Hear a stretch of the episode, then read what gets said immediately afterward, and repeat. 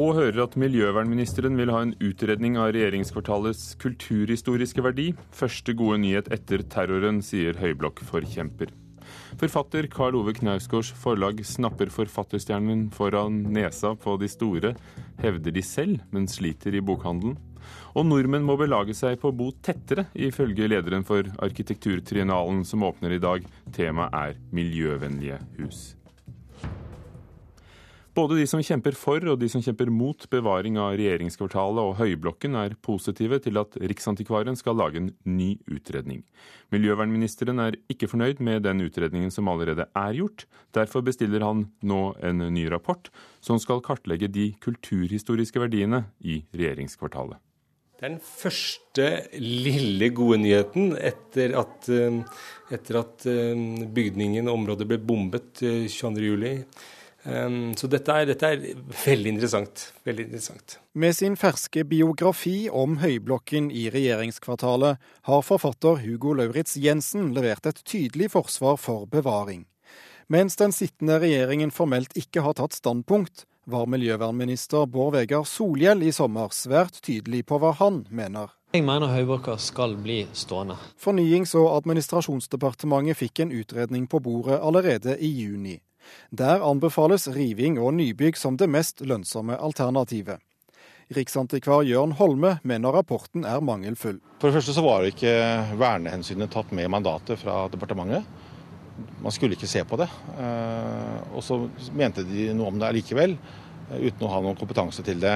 Og Det gjør jo at rapporten egentlig er veldig slett på det punktet. Sa Holme til Dagsrevyen i går. Nå går han i gang med å lage en ny rapport på oppdrag fra miljøvernministeren for å vurdere den kulturhistoriske verdien. Det man burde ha gjort, var eh, å lage en, en prosess hvor alle satte seg sammen eh, og forhåpentligvis ble enige. Sier Audun Eng, styremedlem i Internasjonalt nettverk for tradisjonell byggeskikk, arkitektur og urbanisme. Han setter pris på at ny kunnskap kommer på bordet, men er likevel klar på at riving er det beste den eh, er uttrykk for et forfeilet eh, byplanprinsipp. Og eh, selv om en del arkitekturhistorikere syns at dette er veldig interessant uttrykk for sin tid, så er det godt mulig det er interessant, men det er interessant som et feilgrep. Og da bør man være forsiktig med å ta vare på det. Fornyingsminister Rigmor Aasrud ønsket ikke å la seg intervjue av NRK om at miljøvernministeren mener utredningen hun har fått laget ikke er god nok. Men hun svarer dette i en tekstmelding. Bygningsvern og kunst er behandlet i utredningen vi har mottatt, og er utpekt som et av de viktigste hensynene. Hvis man river eh, Høyblokka, så har man ikke forstått hva modernismen er som viktig epoke. Dette bygget er den førende eh, bygning for etterkrigstidens modernisme. Signalet er tydelig fra Riksantikvaren på at hans anbefaling vil bli vern. Høyblokkforkjemper og forfatter Hugo Lauritz Jensen understreker at det nå er den nye regjeringen som vil bli avgjørende for regjeringskvartalets skjebne. Dette er jo et helt blankt felt. Vi vet jo ikke hva verken hvem som bør sitte i den nye regjeringen, og hva de mener i dette spørsmålet. Så dette, dette, blir, dette blir veldig spennende. Og Riksantikvarens nye utredning skal være klar allerede om en måned. Reporter var Thomas Alverstein Ove.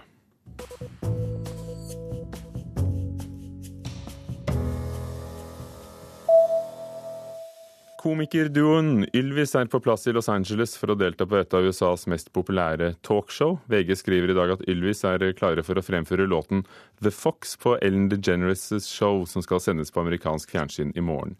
Musikkvideoen The Fox har de to siste ukene fått over 35 millioner treff på nettstedet YouTube, og låten ligger også på den amerikanske Billboard-listen. VGTV tar opp kampen med tradisjonelle TV-kanaler, skriver Dagens Næringsliv i dag. VGTV skal satse mer på nyheter, underholdning og utenlandske TV-serier, og bemanningen øker de kraftig. VGTV har bl.a. sikret seg rettigheter til å vise det amerikanske komishowet Saturday Night Live. Og den britiske Booker-prisen kan nå gå til forfattere alle forfattere som skriver på engelsk. Prisen er en av dem som får mest oppmerksomhet i, i verden, og hittil har den bare gått til forfattere fra det britiske samveldet eller Irland. Og tidligere vinnere er eh, f.eks. Hilary Mantel, australske Peter Carey og Jodem Kotsia fra Sør-Afrika.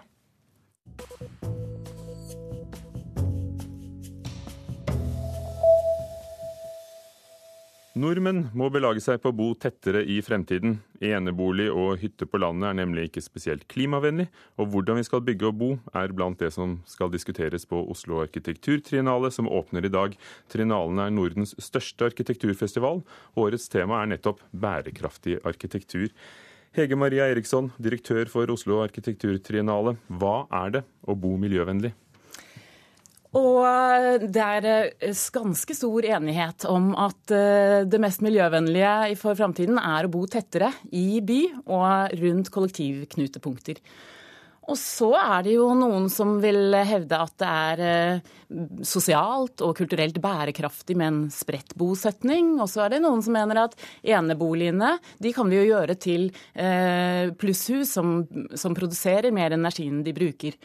Og da er vi der hvor eh, Oslo arkitekturtriennale starter, nemlig i det at det er ganske stor uenighet om hva som faktisk er bærekraftig. Og at vi har mange definisjoner. Ordet brukes og overbrukes til det nesten er helt utslitt. Og vi, eh, vi vil gjerne avdekke noen bærekraftparadokser, se på dette, se på dette viktige temaet, undersøke det og eh, diskutere det. Men er det noe med den norske måten å bo på som er spesielt eh, lite klimavennlig? Fordi det kan jo være bra for hvor miljøet vi selv bor i, hvis vi trives der. Men det er noe helt annet. Det er noe litt annet. Eh, og, og vi eh, diskuterer jo den, den, norske Men vi diskuterer også nå i Trinalen det hele det internasjonale bærekraftforsøket. Hvordan, vi, hvordan bærekraft kommer til uttrykk på utrolig forskjellige måter rundt omkring i verden. Og der har vi eh, et belgisk kuratorteam, Rotor, som, eh, som, eh, har samlet i hovedutstillingen vår, som åpner på Doga i dag, et slags bærekraftens kuriosakammer, som forteller veldig mye om hva som kan være klimavennlig, men som også viser veldig mye annet. For de har fått arkitekter til å sende inn 625 gjenstander som symboliserer bærekraft. Hva har folk sendt? Det er ikke bare arkitektene som har sendt. De har samlet fra eh, materialprodusenter, fra eh, statlige etater, fra alt mulig. Eh, det er alt fra framtidsbyvisjoner til videoer fra amerikanske TV-show. Det er Ting? Hva? Ting også? Ting, gjenstander. Alt mulig som, som Det er alt fra leketøy til lovverk til bygningsmodeller selvfølgelig også. Dette er, sett i et arkitekturperspektiv. Og Doger, det er da Senter for design og arkitektur i, midt i Oslo. Eh, men eh, Hege Maria Eriksson, du nevnte at det er stor uenighet om hva som er bærekraft. Hva går den uenigheten ut på? Ja, det er noen kamper om sannheten her. Og, og, to hovedretninger er kanskje de som tenker at teknologien skal gjøre jobben for oss. Vi skal, vi skal mm, bruke innovasjonen til å redde miljøet. Og, og, den andre retningen er de som kanskje sier at vi må gjøre noe med forbruket vårt, eh, og bruke det vi allerede har, bedre. Er det uenighet om hva som er å bygge miljøvennlig? Altså hvordan skal husene se ut og, og være? Det er i grunnen ikke det. og Det er derfor vi tenker at når, vi, når, vi, når det er så mange som, som, bruker bærekraftbegrepet så ulikt og, og, løser det så ulikt, så tenker vi at uh, det er for viktig til å ikke finne litt mer ut av det. Men siden vi nevnte det, dette med at mange, statistisk sett er det mange nordmenn som bor i enebolig, og som kjører til andre eneboliger som ligger ved sjøen eller ved fjellet. Um, er det spesielt ille? Eh, det, det, kan være det i det lange løp. Eh, foreløpig så, så, må vi jo eh, bare mm, leve som vi, som vi mm, selv finner ut. Får, folk får ta, ta ansvar.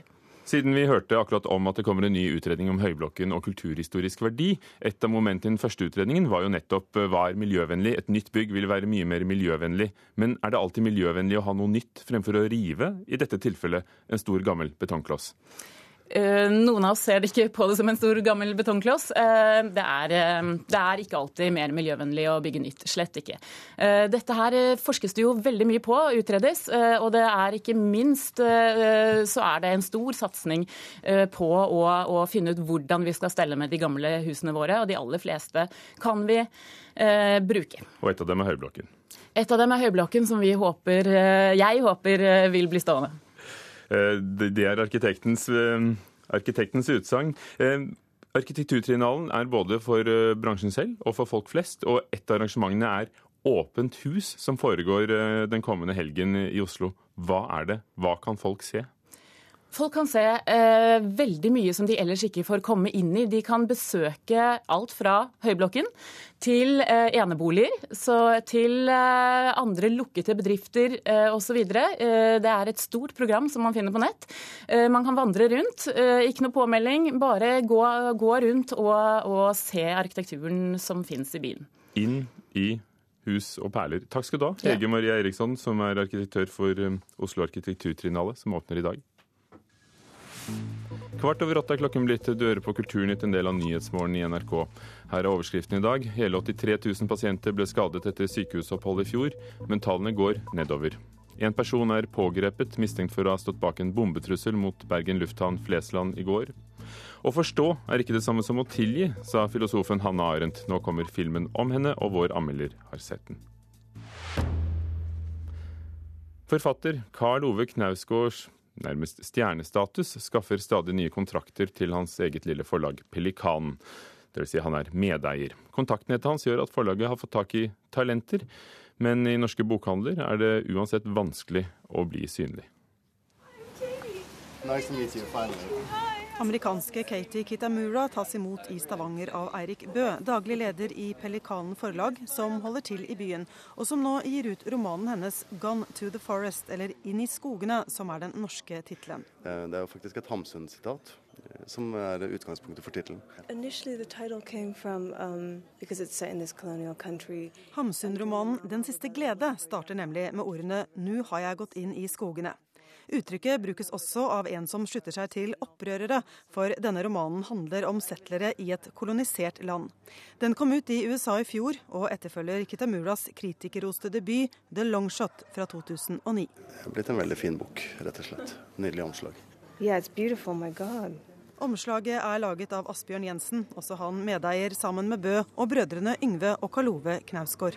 Um, I think the list they have is really wonderful, um, and I'm really fan of my struggle. Oh, I've only read the first two volumes, but I'm a really big fan, so it's it's very exciting to be published by um, a publishing house. Katie Kitamura er stolt over å bli gitt ut på Knausgårds forlag. Begeistret som hun er for The Struggle, som Min Kamp heter der borte. Pelikanen har gitt ut ti titler siden starten i 2010, og på høstlista står både Peter Hanke, selvbiografisk roman fra kultforfatter Stig Larsson og ny rockybok fra Kellermann. Knausgårds stjernestatus skaffer kontrakter som et lite forlag ellers ikke ville ha fått, sier Eirik Bø. Vi må huske at når, når han øh, nå er publisert i all verdens land og reiser rundt og har forlagskontakter i omtrent alle vestlige land, så betyr jo det at han også bruker denne posisjonen til å få tips. Vi får jo tilgang på veldig mange gode manus. Keti Kitamura f.eks. fikk vi fra forleggeren i England og USA før den var ute der, og sånn at vi fikk snappet henne opp før andre gjorde det. Og jeg vet andre var eh, interessert i, i henne, for hun, hun, er et veldig kommende navn i USA. Det vi ønsker er jo bare å gi ut det vi selv syns er veldig godt, egentlig uansett sjanger. Hvordan går det økonomisk? Nei, det, altså, det går rundt.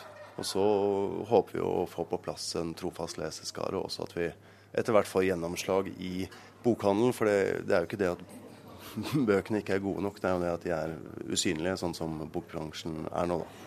Skal vi ta og sjekke en bokhandel og se om de faktisk eh, har eh, noen pelikanbøker, da? Det blir veldig vanskelig å syte her, i hvert fall, for her er jeg relativt trygg i den bokhandelen som ligger eh, ved siden av forlagskontoret. Her har de ikke noe valg. Faktisk så har de Peter Hanke stående i kassa, så det, det tror jeg ikke du opplever mange steder, at Peter Hanke ligger framme. Altså.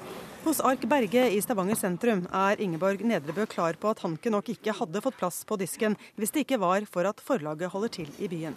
Når vi har plass, så syns vi det er kjekt å trekke fram spesielt lokale forlag. Dette er nok unntaket, sier Bø, som ønsker seg en situasjon der de store forlagene ikke kontrollerer bokhandlene. Nå blir andre salgskanaler viktige for små forlag, som Kapittelfestivalen i Stavanger. Der vi, der vi kan synes, må jo vi trå til. Det lille forlaget bruker festivalen til å lansere Katie Kitamura på norsk. Selv er hun allerede i gang med å skrive ny bok, svært inspirert av sin sju måneder gamle sønn, som er med til Stavanger. The baby does, the child gives you ideas. It's the execution becomes harder, I think, you know, finding the time to write. But I've really never had quite so many ideas as I do at the moment, so which is nice. Og det var vår reporter Anette Johansen Espeland som møtte forfatter med barn på armen i Stavanger.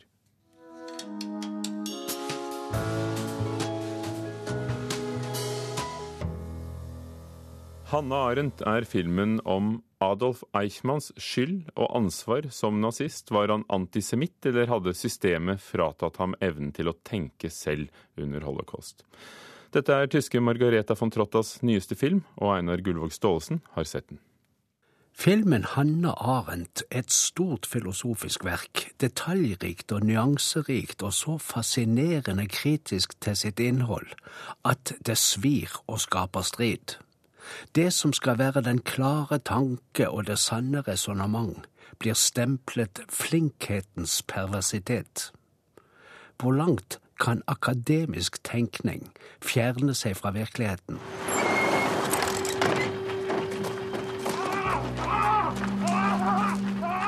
Mossad-agenter overmanner Adolf Eichmann i landet han stakk av til, Argentina. De fører ham til Jerusalem og stiller ham for retten for sin hovedrolle i holocaust der.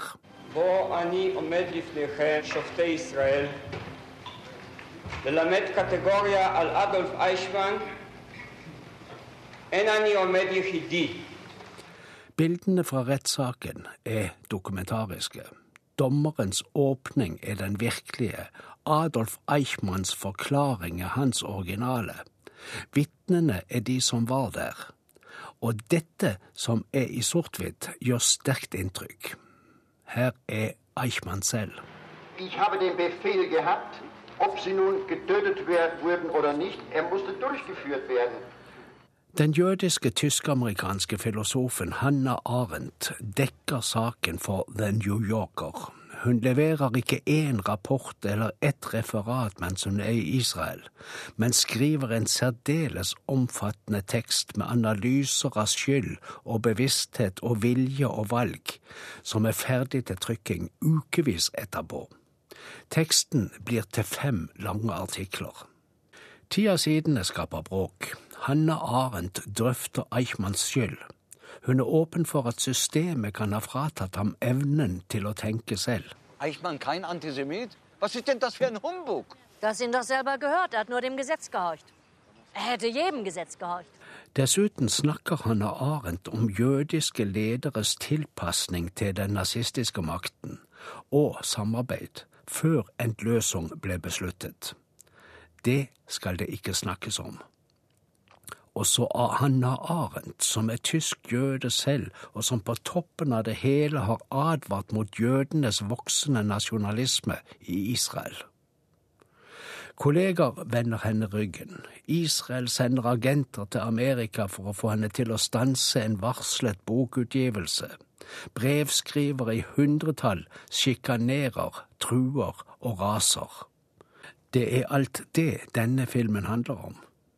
Stoffet er grundig og troverdig behandlet. Det engasjerer. Men filmen selv tar oss ikke.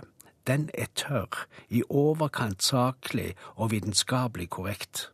Spillestilen er gammelmodig seriøs. Det bidrar til enda større avstand mellom oss og det som skjer. For ihn var es unwichtig, das zu wissen oder nicht. Er beförderte Menschen in den Tod, aber er fühlte sich nicht verantwortlich dafür. Hovedrolleinnehaveren Barbara Sukhov formidler den store filosofens arroganse og distanse, først og fremst, og oppleves i mindre grad som følende menneske. Regissøren Margrethe von Trotta har vært mer opptatt av totaliteten i innholdet enn av vår opplevelse av alle kryssende tanker og tema. Filmen er mer interessant enn god sa Einar Gullvåg Staalesen om Hanna Arendt, og det blir mer snakk om denne og andre filmer i Mørkets opplevelser i kveld klokken 19 i P2. Under Folkelarm, folkemusikernes årlige treff, deles det også ut en Folkemusikkens Spellemannpris, og på syv av de tolv nominerte platene har trønderske folkemusikere sentrale roller. Felespiller Gjermund Larsen fra Verdalen er en av de nominerte. Han er ikke overrasket over denne dominansen.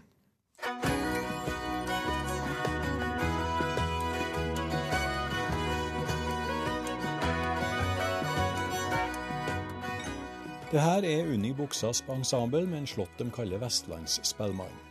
Og sjøl om hun Unni Buksas er fra Nordmøre, så har hun med seg trøndere i orkesteret. Trygve Brøske, som bor i Trondheim, Magne Vestrum fra Levanger og Olav Luxengard Mjelva fra Røros.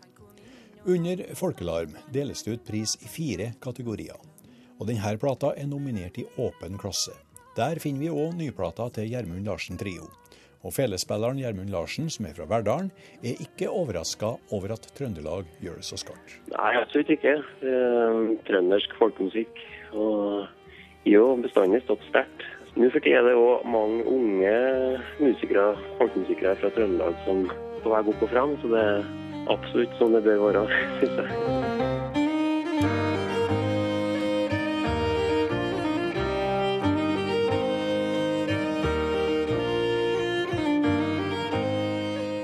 Trioen med en reiseslått fra den plata som er Folkelarm-nominert. Og Gjermund Larsen han har reist mye, for han lever av musikken sin. Og det går helt fint å leve som musiker, også når utgangspunktet er folkemusikken. For min del så gjør jeg jo veldig, veldig mye forskjellig. Jeg er med og spiller lag med mange ulike musikere, samtidig som jeg har egne prosjekt. Komponerer. Et veldig sånn allsidig eh, yrke er det. Du sitter ikke bare og spiller gamle slåtter, men du det var veldig fokus på det med å utvikle nytt repertoar. Det er veldig i, vinden, man kan si det, da, det med at folkemusikk er ønska i dagens musikkliv.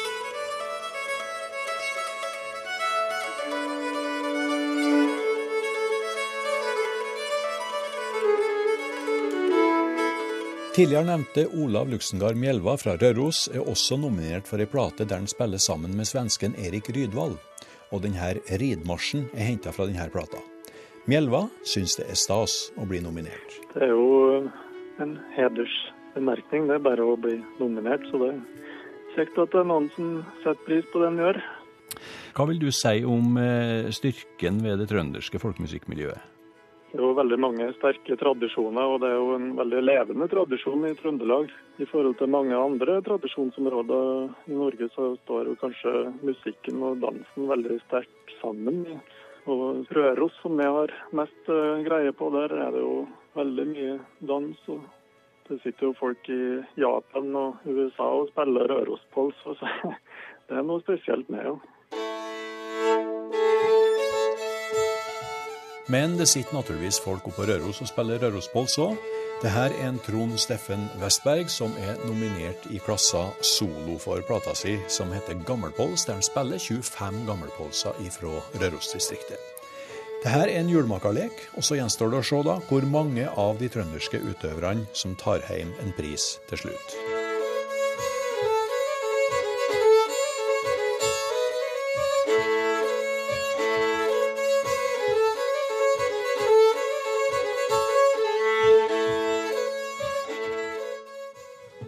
Er fra Røros med Trond Steffen Vestberg, og utdelingen av Folkelarmprisene skjer i Oslo lørdag 28.9. Reporter var Bjørn Solli.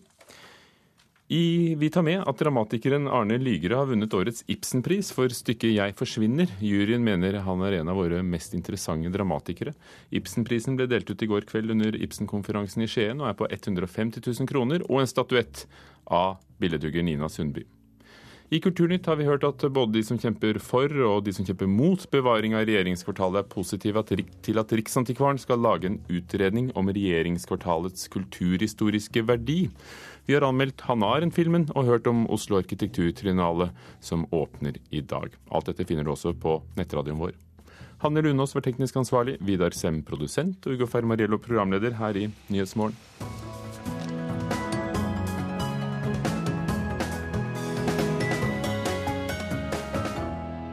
Hør flere podkaster på nrk.no podkast.